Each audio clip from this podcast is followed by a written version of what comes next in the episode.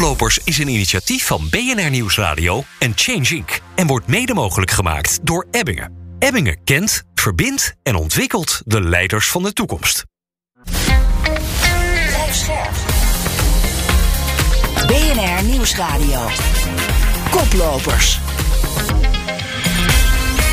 Donatello Piras en Werner Schouten. Je luistert naar Koplopers, een programma over duurzame innovaties waarin we geen enkele uitdaging uit de weg gaan. Gemaakt in samenwerking met Change Inc. Mijn naam is Donatello Piras en samen met klimaatexpert Werner Schouten zoek ik oplossingen die bijdragen aan de duurzame wereld van morgen. En wil jij elke week op de hoogte zijn als er weer een nieuwe Koplopers beschikbaar is? Abonneer je dan gratis op onze podcast in jouw favoriete podcast-app en doe dat meteen even.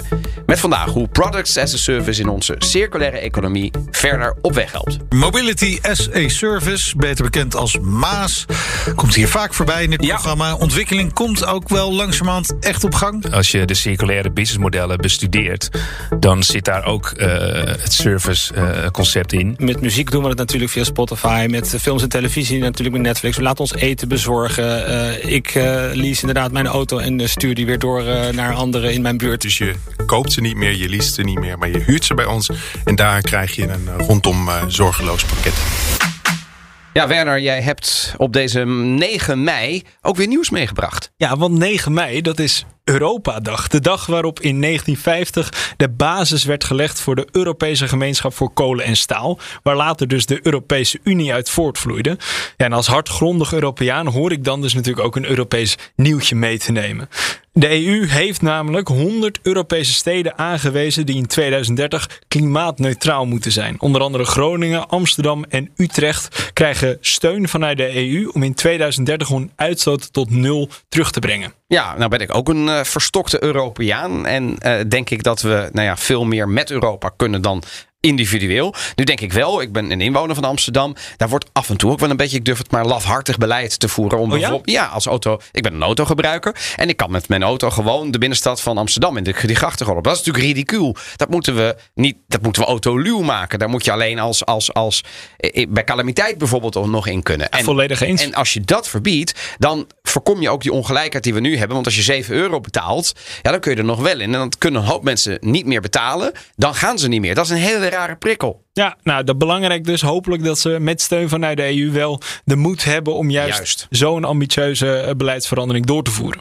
Naast onze steden die moeten verduurzamen, moet ook onze consumptie verduurzamen. Dat is mijn tweede nieuwtje. Want de consumptie van, van de gemiddelde Nederlander zorgt volgens een rapport van ABN AMRO voor 55 miljard euro aan, klimaat, aan milieuschade per jaar. En dat is natuurlijk gigantisch. Zo. En zelfs alle, alle klimaatambities ten spijt wordt er verwacht dat met huidige beleid deze schade tot 2030 oploopt tot wel 68 miljard euro. Dus dat is de schade aan vervuiling van grondwater, lucht, de opwarming van de aarde, de afbraak van de biodiversiteit. En door stug door te blijven vliegen, eten en, en prularia van, van AliExpress te importeren, gaat die voetafdruk van onze consumptie dus niet naar beneden. Ai. Ja, en, en wat zou de oplossing dan moeten zijn? Nou, dit sluit aan bij wat ik eigenlijk al langer predik. hè. We moeten echt minder en anders consumeren. We moeten fast fashion aan banden gaan leggen. We moeten misschien wel kijken naar de echte prijzen van producten. Dus ook de, de maatschappelijke kosten meenemen in de echte prijs. En daar gaan we het vandaag natuurlijk ook over hebben. Welkom Rob van Willigen, Commercial Advisor Products as a Service bij ABN AMRO. Goedemiddag. Rob, we hadden net op de redactie een discussie. Products as a Service, is dat nu? Leasen, is het huren, gebruiken, lenen? Help ons even. Nou, ik vind het eerlijk gezegd niet zo relevant eh, of het nou ergens op lijkt. Eh, ik, vind, eh, ik vind product as a service, dat is eigenlijk een middel om naar een meer circulair businessmodel te komen voor een bedrijf. En dat doe je via een abonnementenmodel. En ja, dat kan je vergelijken met lease. Je kunt het vergelijken met full operational lease bijvoorbeeld. Huren is denk ik iets te kort door de bocht, want er komt echt een dienst en een service bij. Maar eigenlijk is het niet zo relevant uh, waar het op lijkt. Het gaat erom uh, dat het product, uh, de, de, gebruiker nooit eigenaar wordt van het product. En dat het product teruggaat en hergebruikt wordt. En we horen het natuurlijk al best wel lang, hè? Product as a service. Het is best wel een, een, hype ook geweest van bezit naar gebruik. We kopen geen lampen meer, maar licht. En ja, ik ben zelf daar ook best wel fan van. Hè? Ik, ik lease mijn spijkerbroek. Ik, ik slaap op een matras wat ik maandelijks lease. Maar toch heeft het gros van de mensen nog steeds gewoon spullen in bezit. Wa waarom duurt het zo lang voordat product as a service echt Ja, ik denk dat het met cultuur wellicht te maken heeft. Uh, ik, ik, denk dat mensen het prettig vinden om, om, om uh, spullen in bezit te hebben, precies zoals je zegt. Maar als je, als je kunt aantonen met een dienst en een service dat je mensen kunt ontzorgen, dat ze over bepaalde dingen niet meer hoeven na te denken, dan denk ik dat het, dat het zeker een, een, positief effect kan hebben. En, en gelukkig zien we ook dat steeds meer mensen producten gaan, ja, noem het maar even, gaan huren in plaats van kopen. Uh, omdat ze het toch ook wel fijn vinden dat als het kapot gaat of als er een reparatie nodig is of misschien zelfs als het gestolen wordt, dat het dan wel netjes opgelost wordt, uh, vervangen wordt, gerepareerd wordt.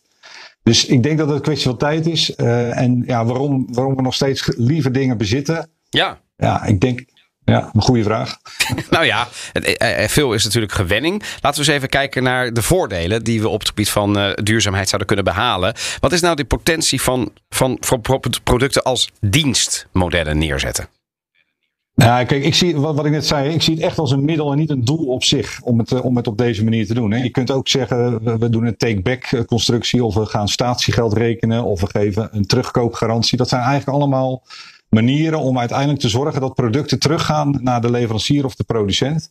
Uh, met als doel dat die producten uh, opgeknapt worden, gerefurbished worden, of geremanufactured worden en dan vervolgens weer opnieuw uh, ingezet worden. En, en dat allemaal natuurlijk om verspilling tegen te gaan, uh, grondstoffenschaarste. Te, te ja, want we willen echt naar die circulaire economie. Minder afhankelijk van, van grondstoffen en veel meer uh, grondstoffen op waarde houden en recycleren. maar je zou verwachten dan dus ook dat, dat aanbieders van product als service hun, de kwaliteit zouden verbeteren van producten. Maar als je ja, kijkt naar modellen die nu in de markt staan, bijvoorbeeld de swapfiets. Ja, de kwaliteit is nou niet echt bijster hoog. Dus, ik heb het gevoel dat ze eerder een hele goedkope fiets maken die ze makkelijk weer kunnen uh, vervangen. Dan dat ze denken van, oh, laat ik een repareerbare fiets maken die lang meegaat. Werkt dit model in de praktijk dan wel? Nou, ik moet een aantal dingen uit elkaar halen. Om te beginnen, als je echt producenten neemt die dit model gaan gebruiken, dan weet ik zeker dat ze betere producten gaan maken. Want zij blijven eigenaar, zij nemen dat product ook weer terug. En zij moeten zorgen dat het goed te repareren is, et cetera. Als het gaat om een tussenpartij, en zo zie ik bijvoorbeeld bij Swapfiets, die, die produceert niet zelf de fiets. Uh, die, die stellen ze samen. Uh, uh, dus die, die hebben iets minder met het design te maken. Maar in de tussentijd zijn zij wel zo groot gegroeid dat ze wel invloed gaan uitoefenen op het design. En op dit moment komen de swapfietsen, voor zover ik weet, op de markt die wel degelijk circulair zijn. Oké, dus echt als, als door de massa gaat dat steeds beter. Nou vraag ik me af, is er beleid die ervoor kan zorgen dat ook producenten verantwoordelijk worden voor de producten die ze in de markt zetten? Nou, er komt, er komt steeds meer wet en regelgeving. er, er, is nu al een, een richtlijn vanuit de, nou, er is bijvoorbeeld een richtlijn vanuit Europa dat spullen en met name consumenten elektronica, daar begint het nu mee, dat het repareerbaar moet zijn. Ja, uh, een, een, bepaalde spelcomputer kon je vroeger niet repareren. Uh, er zaten of geen schroeven in, of het was gelijmd, of, of je garantie was je gelijk kwijt. En tegenwoordig zie je steeds vaker dat spullen repareerbaar worden. Neem de Fairphone bijvoorbeeld als, als mobiele telefoon een schroevendraaitje erbij en je kunt onderdelen eruit halen. Nou, als daar zo echt daadwerkelijk wetgeving voor komt, en dat zit er wel aan te komen, nou, dan maken we wel stapjes. Dus ik denk ja. ook dat dit model alleen werkt met wet en regelgeving erbij in dit geval. Ja, en wet en regelgeving is dus heel belangrijk. Iets anders wat belangrijk is, financiering.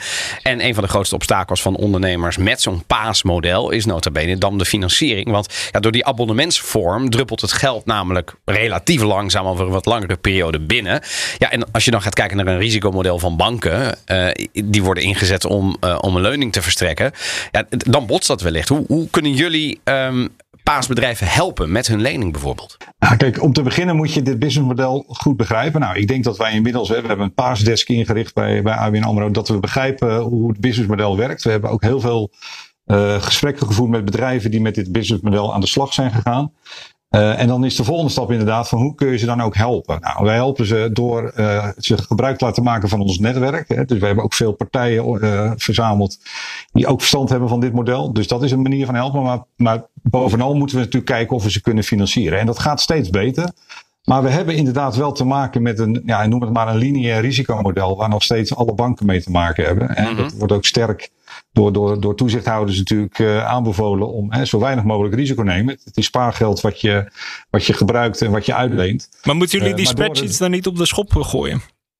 Ja, absoluut. Dus, daar, dus een van de dingen waar we nu mee bezig zijn, en dat doen we zelfs met alle banken tezamen of met de grote banken tezamen, is kijken naar nieuwe risicomodellen.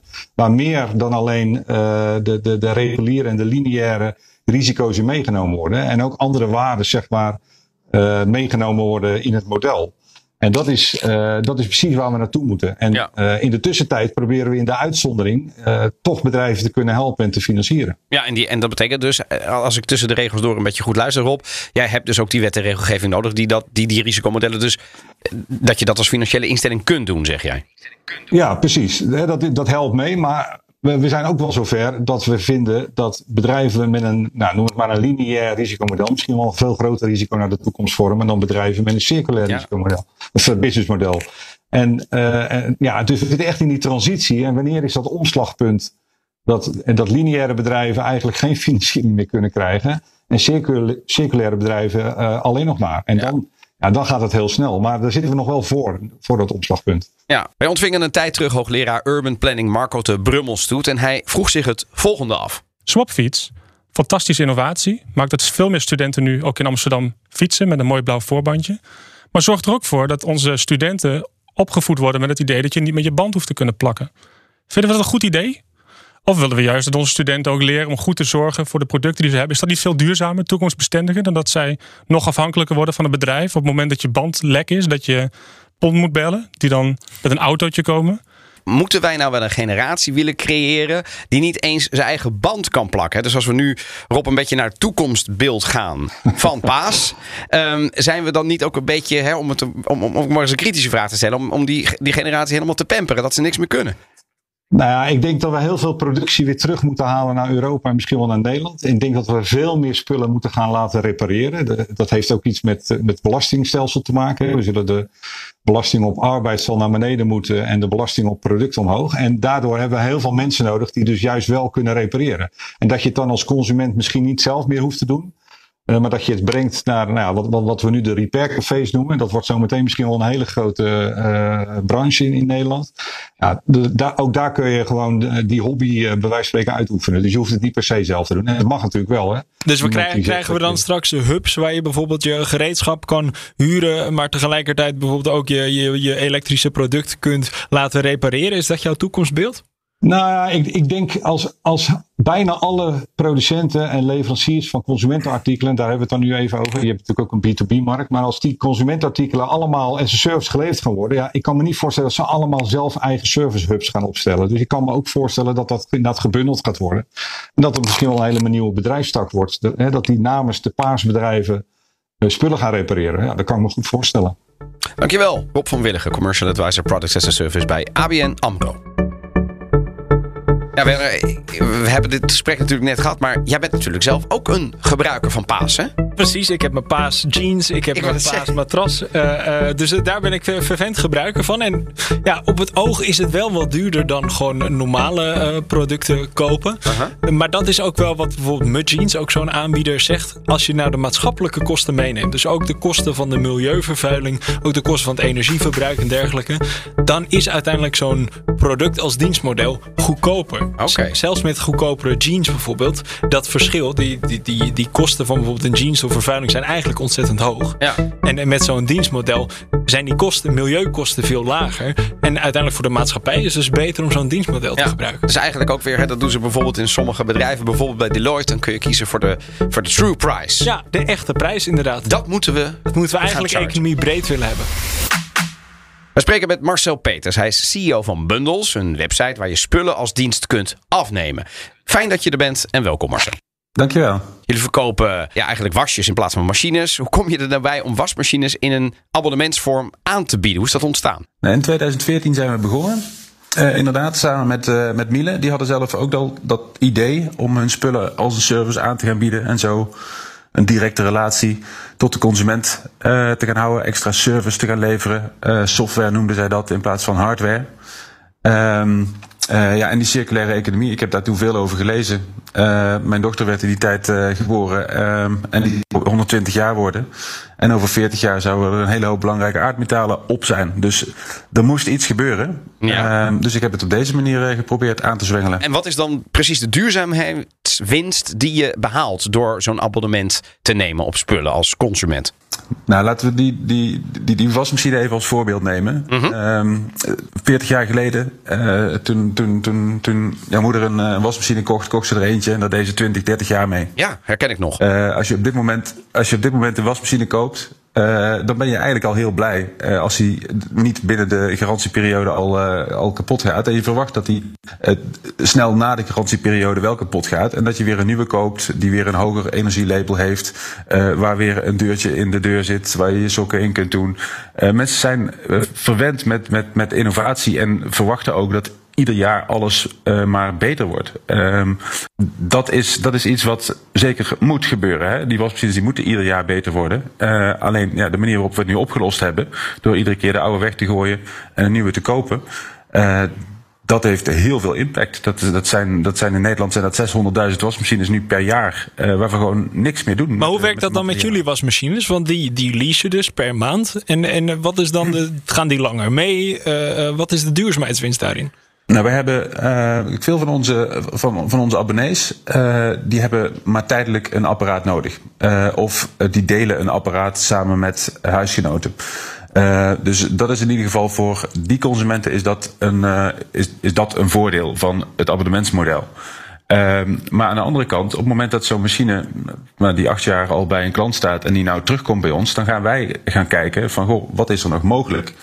Uh, met, dat, uh, met, dat, met dat apparaat. Kunnen we daar nieuwe software op zetten? Kunnen we hem schoonmaken? Kunnen we hem uh, refurbishen? Kunnen we onderdelen vervangen? want dat is voor ons veel goedkoper dan weer een nieuw apparaat bij Miele kopen. en die weer naar een klant brengen. Toch even vragen. We spraken net Rob van de ABN AMRO. Die zei ook het is heel belangrijk dat de producent verantwoordelijk wordt voor het product dat ze eigenlijk in de markt zetten.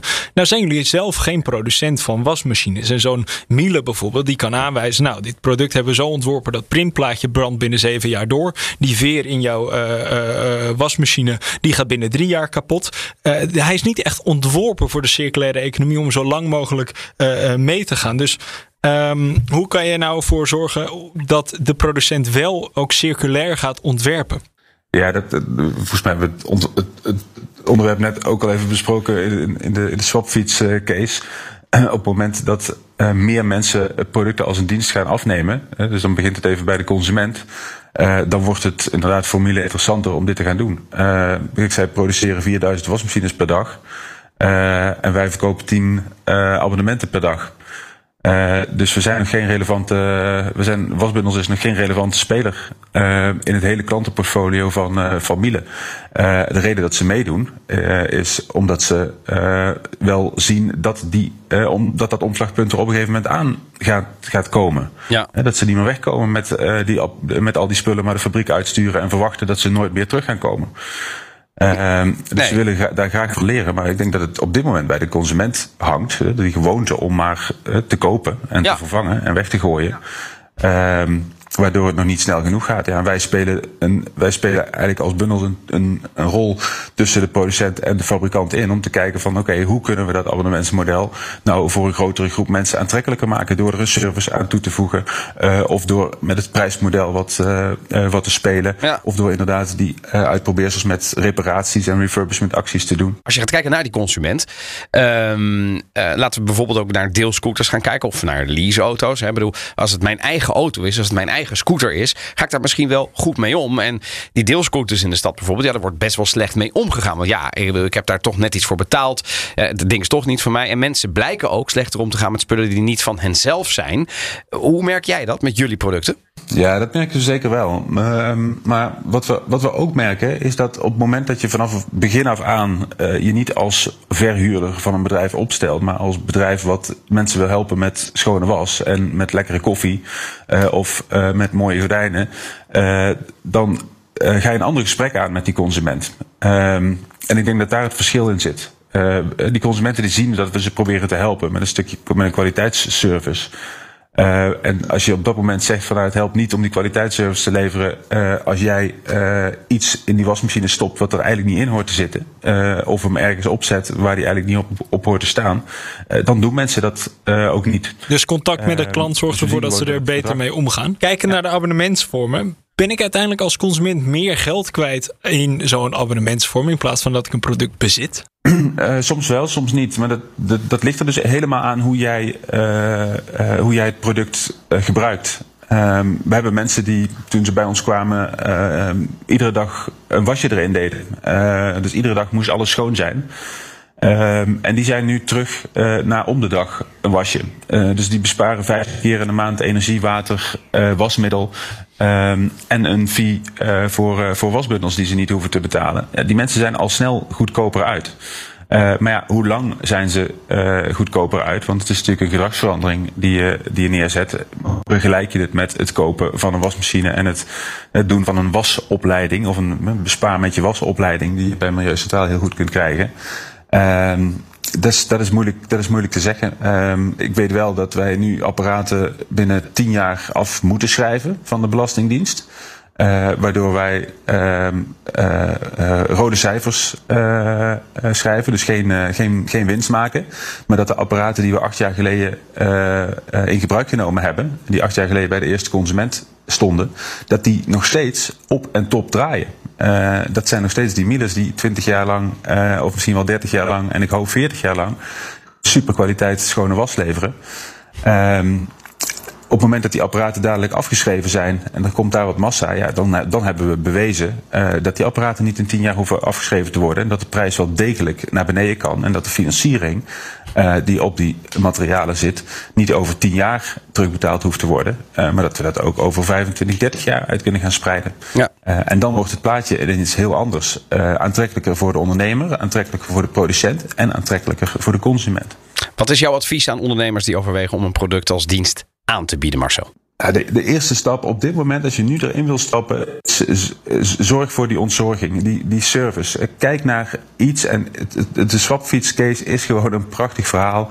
Als je fiets stilstaat en je bent niet meer mobiel, op dat moment kun je geholpen worden. Uh, en dat is bij een wasmachine is dat natuurlijk ook het geval. Hè? Als die wasmachine stilstaat en die vieze was zit erin, dan wil je op dat moment geholpen worden. Uh, maar als het gaat over verlichting, als het gaat over uh, uh, raamdecoraties, dan is het soms best wel eens moeilijk om je voor te stellen van ja, wat is nou die service die je gaat, die je gaat leveren? We hebben het met, met slapen, hebben we het een tijdje uitgeprobeerd.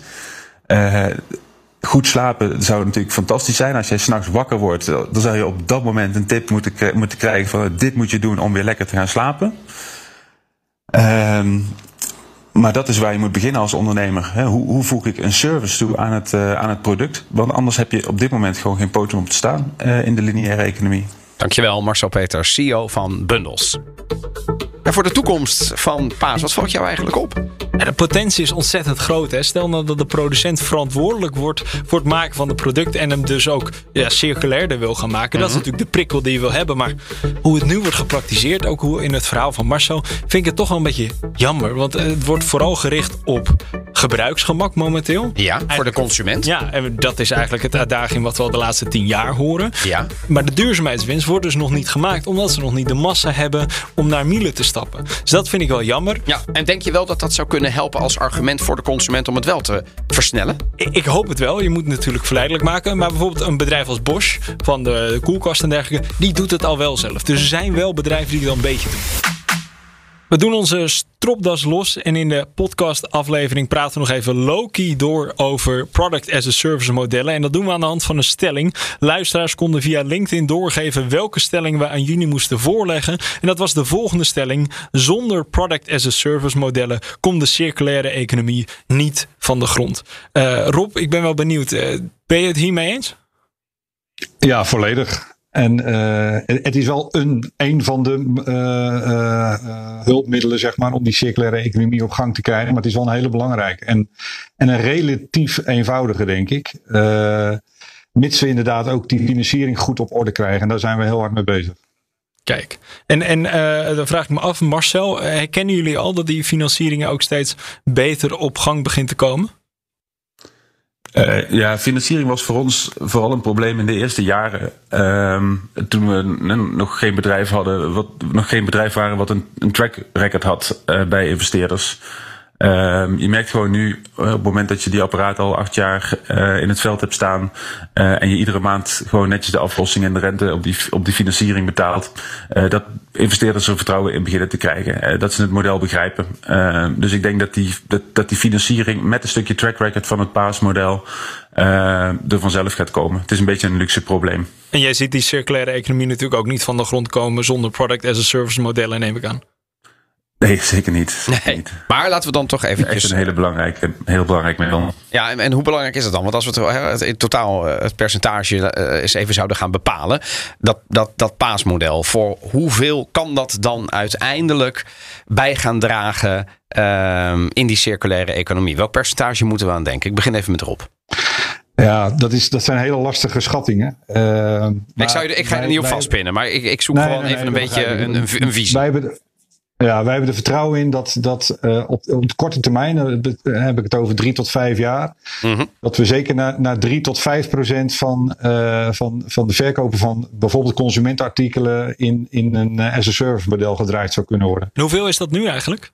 Ja, ik, ik denk nog geen half procent. En misschien nog wel minder. dat is, uh, het ligt er een beetje aan of je private lease uh, meetelt. Hè. Dat is eigenlijk ook wel een vorm van paas. Ja. maar die gaat natuurlijk best hard hè, met de auto's. Dus jij verwacht eigenlijk een verzes- of tienvoudiging in drie tot vijf jaar. Dat is vrij significant. Ja.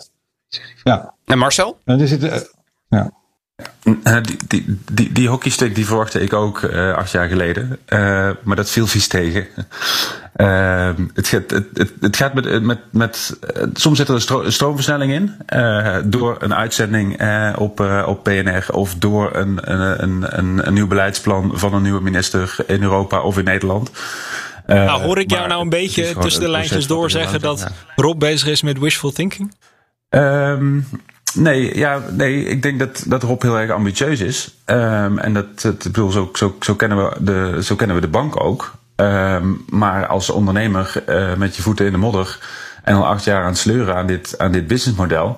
Uh, ook, ook bij andere collega-ondernemers zie ik het. Uh, is het gewoon iets wat in de praktijk langzamer ging dan we acht jaar geleden verwachten. En ik denk eerlijk gezegd dat dat nu ook gebeurt. Belangrijk is dat we gemotiveerd blijven om die succesvolle paasmodellen in de wereld uh, te helpen. En andere mensen daarvan uh, te overtuigen om ook op die manier hun product als een service aan te gaan bieden. Maar Marcel, is er iets van uh, een silver bullet? Is er iets waarvan jij zegt, nou ja, als we dat doen, dan ga je die versnelling wel krijgen? Want hè, ik, ik hoor dat je het echt ploeter is als ondernemer om het een, überhaupt, laten we zeggen, als rendabel businessmodel in de markt te krijgen. Wat, moet, wat zou jou helpen?